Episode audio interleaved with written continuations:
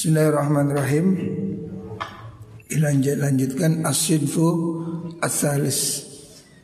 Golongan ketiga orang yang berhak menerima zakatnya. Jadi golongan pertama fakir, golongan kedua miskin. Fakir posisi paling paling butuh, ya. miskin setengahnya. Yang ketiga al-amilun orang yang bekerja sebagai pengumpul zakat. Nah, kalau hari ini ya petugas. Wahum as-su'ad alladzina yajma'una az-zakawat siwal khalifati wal qadi. Yang dimaksud amilun adalah orang-orang yang bekerja. Orang-orang yang berjalan bekerja sebagai tenaga pengumpul zakat. Siwal khalifati wal qadi selain penguasa ya, selain khalifah wal qadi dan hakim. Jadi amil ini orang-orang yang diangkat oleh pemerintah ya, atau lembaga yang diberi kewenangan oleh pemerintah. Kalau di Indonesia namanya Basnas Lazis ya. Mereka yang sudah diberi halitas untuk sebagai lembaga zakat. Ya. Basnas Lazis ini bisa mengangkat pegawai namanya amil. Wa yadkhulu fihi al-arifu Termasuk dalam kelompok ini adalah orang yang pengawasnya, apa pengurusnya, ya. Wal katibu penulisnya, ya. Wal mustaufi penghitungnya, ya, hasib. Wal hafidhu penjaganya, wanakolu tukang pikulnya. Semua pihak yang bekerja untuk proses pengumpulan zakat itu disebut amil. Akan tetapi amil ini harus diangkat ya. Tidak boleh semua orang menjadikan dirinya sebagai amil. Wala yuzadu wahidun minhum ala ajril misli. Masing-masing tidak boleh menerima gaji yang melebihi upah standar. Ajril misli itu kalau hari ini ya mungkin UMR. Ongkos yang berlaku secara umum. Fa in fadula syai'un minas samani an ajri mislihim kalau ada pegawai kalau ada pegawai lazis dibayar melebihi standar umumnya pekerja Reda ala baqiyatil asnaf. Maka harus dikembalikan kepada asnaf yang lain. Amil tidak boleh mengambil gaji lebih ya. Karena dia sifatnya pekerja sosial orang yang bekerja tapi sosial ya. Nggak boleh ambil minta 50 persen Habis yang lain ya. Kalau menurut undang-undang di Basnas ya, Di negara kita ambil itu boleh maksimal mungkin 20 persen Tidak boleh ambil mengambil jatah yang terbanyak ya ini kan banyak sekarang kasus ambil palsu atau petugas palsu ya. Ini banyak kasus ya. Seringkali kita ada orang rumah ke rumah narik zakat atau narik yatim piatu atau apa. Itu banyak yang palsu. Di Pasuruan ada perusahaan proposal. Nah, jadi kalau ada orang bangun dimintai proposal, dia yang jalankan itu target. Sama satu hari 100 Dapat satu juta ya store seratus. Enak. Itu tidak boleh. Jadi petugas Pengumpul zakat Itu tidak boleh mengambil Upah melebihi umum ya. Boleh dia ngambil upah Tetapi harus umum ya Tidak boleh terlalu mahal. Karena berkaitan dengan hak penerima zakat yang lain. Wa inna koso Wa inna koso apabila gajinya berkurang dari itu Kumbila min malil masalihi Maka dikumpulkan disempurnakan dari harta masalihil muslimin Dana sosial Jadi amil ini harus terregistrasi oleh lembaga ya.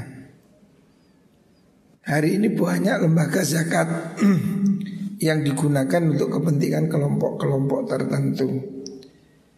Memang idealnya lembaga zakat ini harus pemerintah ya, yang punya otoritas.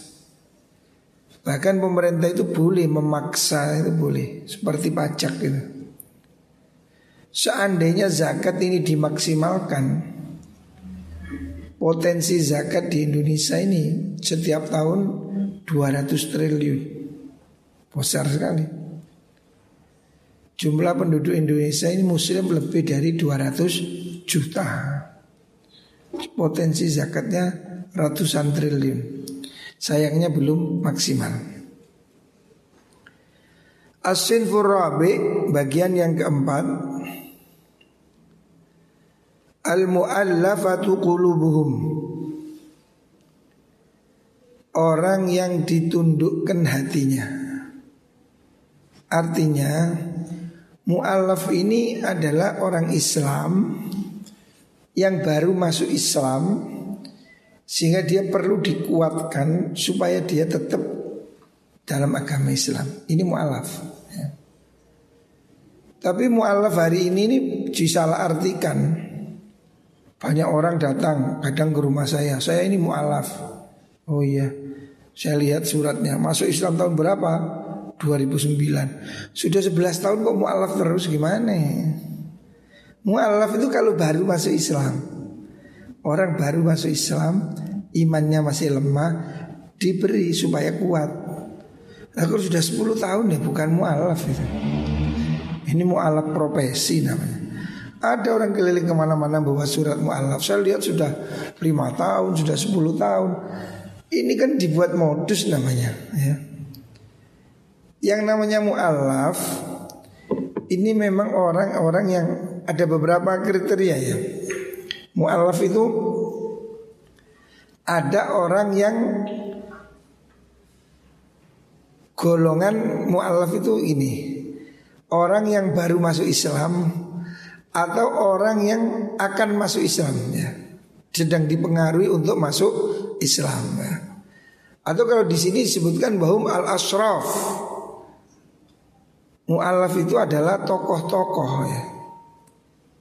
Al-mu'alaf itu asyarif Al-asraf ya.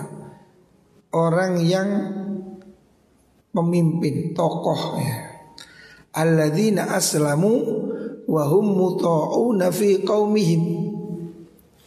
Jadi Imam Ghazali mendefinisikan itu Mu'alaf itu tokoh, pemimpin sebuah kaum ya yang ditaati zaman dulu kepala suku zaman dulu ya. Yang ditaati di mana kalau dia masuk Islam ini powernya cukup membuat Islam disegani gitu lah. Wa fi i'ta'ihim takriruhum alal Islam tujuan memberi zakat pada asraf pemimpin-pemimpin kabilah kepala suku supaya mereka itu tetap memeluk agama Islam. Nah, jadi tujuannya ini untuk mengambil perhatian. Kalau kepala sukunya Islam kita beri zakat, dia akan senang dan membantu kita. Nah, ini kehidupan zaman dahulu ya. Atau orang wa fi i'ta'ihim takriruhum alat Islam untuk mereka supaya tetap beragama Islam atau wa tarribi nadhairihim wa atba'ihim tujuannya supaya pengikut-pengikutnya teman-temannya ya itu mau masuk Islam ya. Jadi mu'alaf ini bukan sekedar orang masuk Islam ya. Kalau dalam kitab Raudhah disebutkan mu'allafah itu ada dua kelompok. Mu'allafah qulubuhum ya. Menurut Imam Nawawi dalam kitab Raudhah mu'allaf qulubuhum itu ada kaf, kafir, ada muslim. Kelompok kafir yang dimaksud adalah fal kufar itu ada dua jenis. Ada kismun yamiluna ilal Islam, golongan yang kepingin masuk Islam. Artinya orang ini simpatik pada Islam. Ya. Kalau dikasih uang, dia akan merapat ke kita. Nah, ini mualaf dari non Muslim. Atau mualaf ulubuhum bisa jadi tokoh non Muslim memang perlu diberi supaya nggak mengganggu kita. Ya, ini juga mu'alaf ulubu. Lah kalau mu'alaf yang muslim yaitu golongan yang masuk Islam ya. Dan niatnya masih lemah. Dia ini ekonomi lemah. Gampang kena Indomie. Maka dia perlu dikuatkan, diberi supaya dia mantap masuk Islam. Ya. Ini mu'alaf ya. Tapi orang baru-baru masuk Islam Bukan 20 tahun masih mu'alaf Ini tidak selesai nanti Atau ada lagi mu'alaf itu tokoh Seperti tadi Pemimpin sebuah kaum Dia diberi bagian zakat supaya Kalau dia ini masuk Islam Pengaruhnya akan kuat kepada anak buahnya ya. Tetapi mu'alaf kulubuhum ini ulama berbeda pendapat Ada yang mengatakan hari ini sudah tidak ada mu'alaf Karena Islam sudah kuat ya. Mu'alaf itu pada zaman dahulu ketika Islam masih belum kuat Hari ini mu'alaf ini ada yang mengatakan sudah Sudah tidak ada karena mereka sudah rata-rata sudah kuat ya. Jadi apakah mereka ini masih ada mu'alaf ulubu? Karena kan sekarang sudah sistemnya nggak sama dulu kan. Kalau dulu kan kekuasaan itu kafilah, kabilah, kabilah. Hari ini kan sudah negara-negara kan. Hampir tidak ada ya. Yang disebut tadi oleh Imam Ghazali disebut tokoh-tokoh agama, tokoh-tokoh supaya mempengaruhi orang masuk Islam. Hari ini kan hampir tidak ada yang seperti itu. Atau sedikit sekali ya. Mungkin ada tapi sudah tidak banyak itu mu'allafa qulubuhum. Selanjutnya As-sinful khamis Bagian yang kelima Al-mukatabun Hamba mukatab Artinya orang Yang sedang mencicil mencicil, mencicil, menyicil, mengangsur. Bukan ngangsur sepeda motor. Yang dimaksud mukatab ini adalah metode pembebasan budak dalam agama Islam. Ya. Islam ini ingin menghapuskan perbudakan. Makanya ada istilah akad mukatab. Seandainya saya punya budak, maka saya ini dianjurkan untuk memberi kesempatan budak ini bekerja buat nebus dirinya supaya dia merdeka. Ya. Umpamanya budak itu harganya 10 juta. Dia saya bebaskan suruh kerja nyicil 10 juta. Ini namanya budak mukatab. Ya. Budak yang sedang akad cicilan untuk memerdekakan dirinya wa ilai ila sayyidi wa ila sayyidi mukatab Zakatnya diberikan siapa? kepada juragannya yang menerima cicilan. Wa in ilal mukatab jaza. Seandainya cicilannya ini diberikan langsung pada budaknya juga boleh. Ya. Wala yadfa'us sayyidu zakatahu ila mukatabin nafsihi. Tidak boleh seorang sayyid juragan tuan menyerahkan zakat pada budaknya ya mukatib budak mukatab supaya dibuat nyicil pada dirinya ini tidak boleh ya li'annahu tu abdun lahu karena dia kan statusnya masih hambanya jadi harusnya ya melalui orang lainnya tidak diberikan pada dirinya sendiri gitu. Asfin susadis al gharimun. Yang keenam sekarang gharim. Gharim itu siapa? Wal gharim huwa alladhi istaqrada fi ta'atin au mubahin wa huwa faqirun. Gharim itu orang yang hutang untuk perbuatan taat ya. Untuk mendamaikan, untuk apa? Membuat untuk tujuan kebaikan. Au mubahin itu untuk hal yang mubah. Wahwa fakirun sedang posisi dia fakir.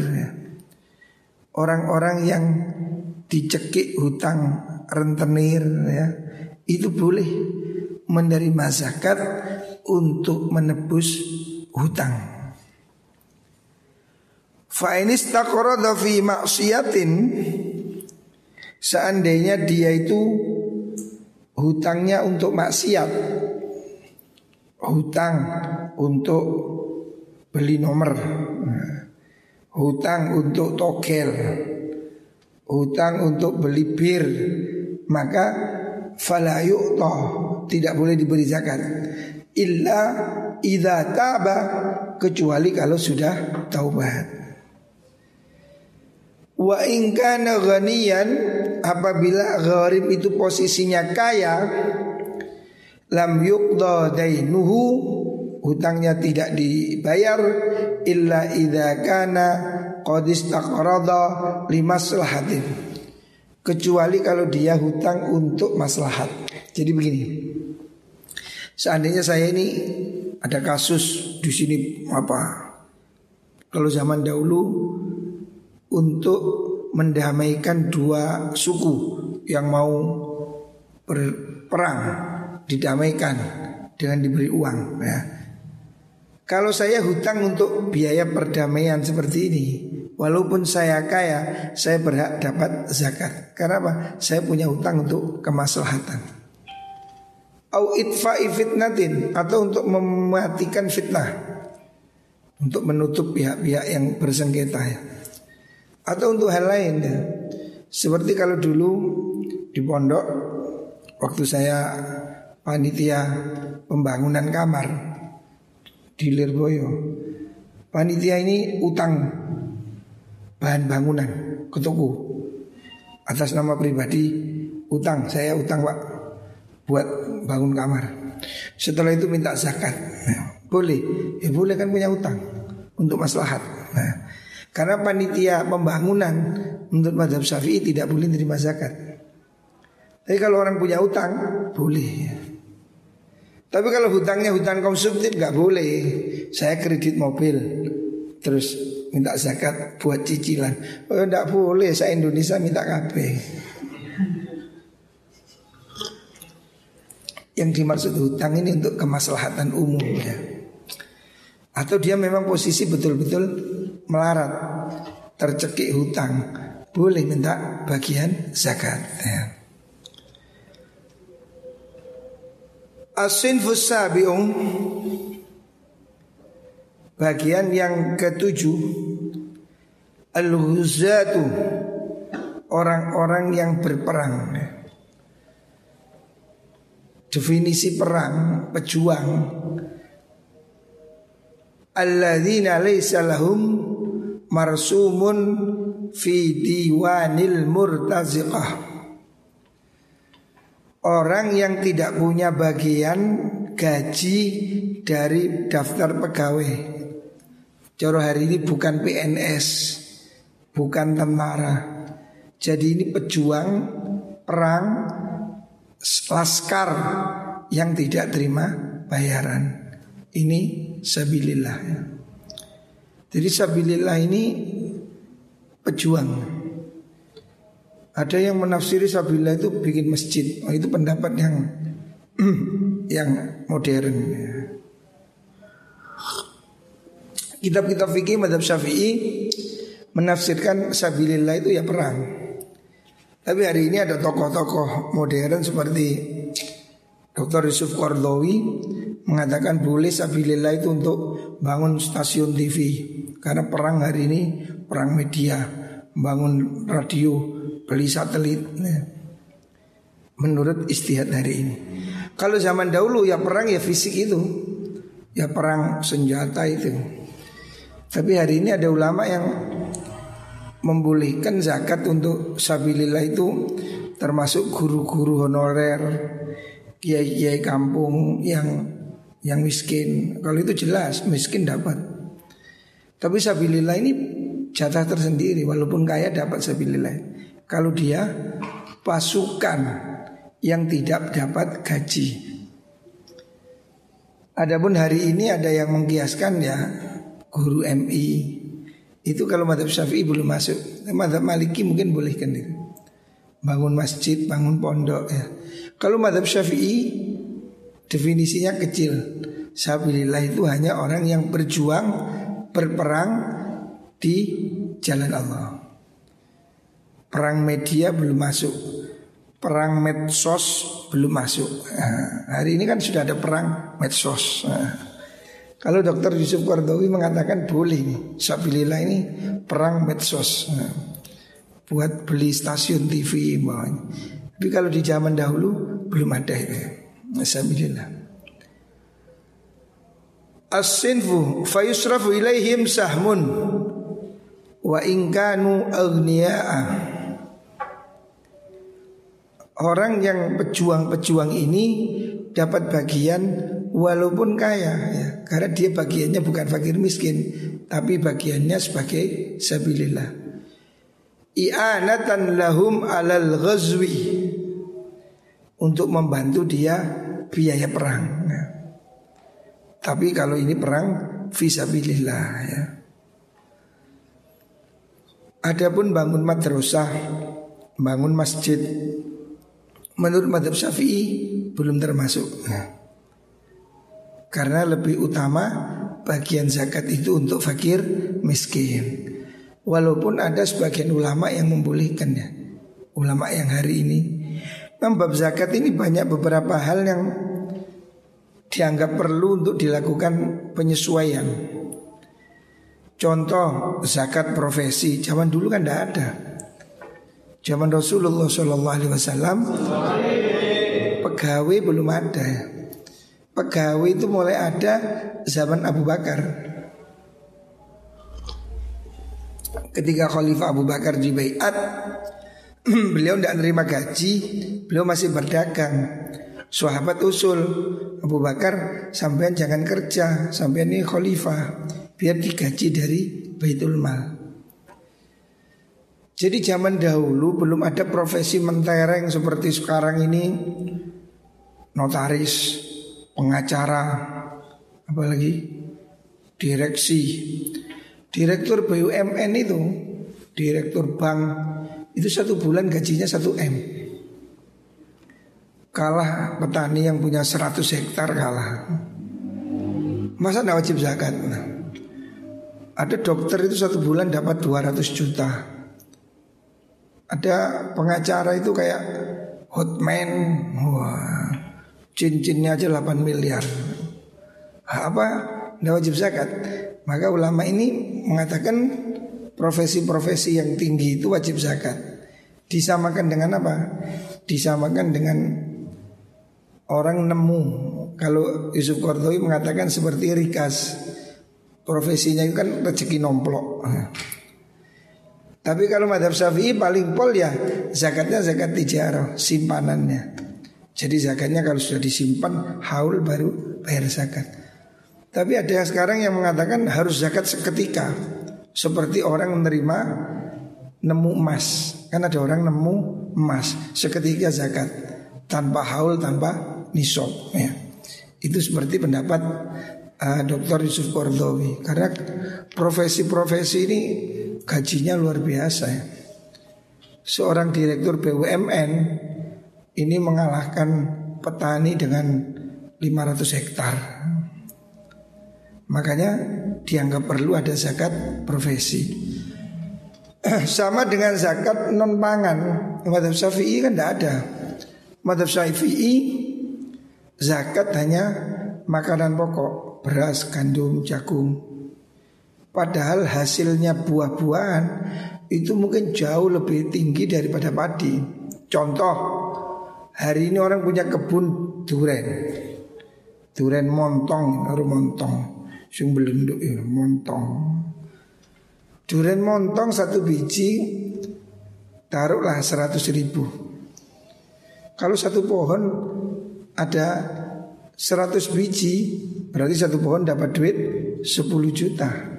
Kalau satu hektar isi 200 pohon Dapat duit berapa? Berapa?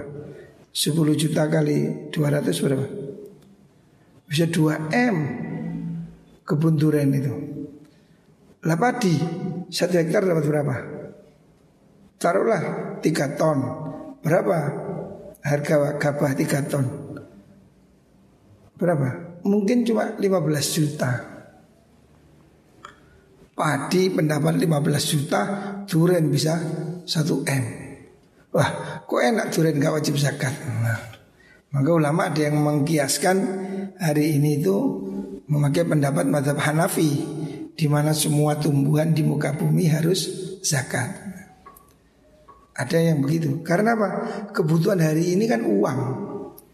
Zaman dahulu kan makanan Sehingga zakat itu hanya bahan makanan. Hari ini pertanian bunga itu jauh lebih mahal. Bunga anggrek itu kan dihitung per tangkai. Itu jangan satu hektar, satu musola ini bisa menghasilkan uang puluhan juta. Kalau satu hektar apalagi. Tidak wajib zakat itu uang bunga. Menurut madhab syafi'i. Paling pun kalau dipaksakan zakatnya diikutkan tijarah nunggu satu tahun nunggu haul ya. Di sini ada yang mengatakan ulama hari ini disamakan kena zakat semua. Karena apa? Kebutuhan rakyat bukan makan tapi uang. Nah, itu perkembangan hari ini. Karena kalau kita batasi dengan apa yang ada zaman Nabi di Indonesia ini hampir tidak kena zakat semua. Kurma nggak tumbuh, anggur nggak tumbuh. Yang tumbuh di Indonesia apa? duren, apel, stroberi, tidak wajib zakat semua ini. Karena buah yang wajib zakat menurut madhab syafi'i cuma anggur dan kurma dan tidak tumbuh di Indonesia atau sedikit ya. Orang Indonesia gak dapat zakat. Nah, makanya ini ada ijtihad ulama hari ini yang mengkiaskan dengan hal lainnya. Asfin Fusamin Ibnu Sabil Golongan yang kedelapan penerima zakat itu Ibnu Sabil Siapa Ibnu Sabil? Orang yang pengelana Orang yang mau mudik nggak punya uang. Seperti hari ini Yang nggak boleh mudik kena corona ini. Boleh zakat itu, menerima zakat itu. Karena dia ini kasihan kan Buruh yang di kota-kota Tidak ada kerjaan Pulang nggak boleh. Terus mangan opo dikasih BLT berapa? 600 ribu. Ya seminggu sentai wah ini mereka itu boleh terima zakat itu Ibnu Sabil itu wa walladhi sakhasa min baladihi liyusafira Ibnu Sabil orang yang pergi dari negaranya untuk tujuan bepergian fi ghairi maksiatin bukan untuk maksiat. Ya seperti orang yang kerja buruh migran itu kota urban itu. Awijtaza biha atau sedang melewati negara itu. dalam perjalanan. Fayukto ingkana fakiran. Para buruh pemudik orang luar kota itu diberi zakat apabila fakir ya. Mungkin hari ini banyak ini Ibnu Sabil di kota-kota besar ya, yang nggak bisa mudik tapi nggak bisa kerja. Ya lola lola di Jakarta yang wadah di kota-kota besar banyak kasus ini. Karena ada larangan mudik. Ini ya kasihan. Mereka kan di Jakarta kerja. Di rumahnya ditunggu uang. Anaknya nunggu uangnya. Sementara di sana dia nggak kerja. Pulang nggak boleh. Nah terus piye? Ya ini solusinya. Diberi zakat wa in kana lahu malun bi baladin akhara utiya bi qadri bulghatihi kalau dia di rumahnya punya uang tapi sekarang kehabisan bekal diberi sampai dia bisa pulang ya. Fa'in kulta Ini sudah selesai. Selanjutnya ada pertanyaan Fa'in kulta Fabima tu'rafu hadis sifat Bagaimana mengetahui sifat ini? Ada delapan kelompok penerima zakat.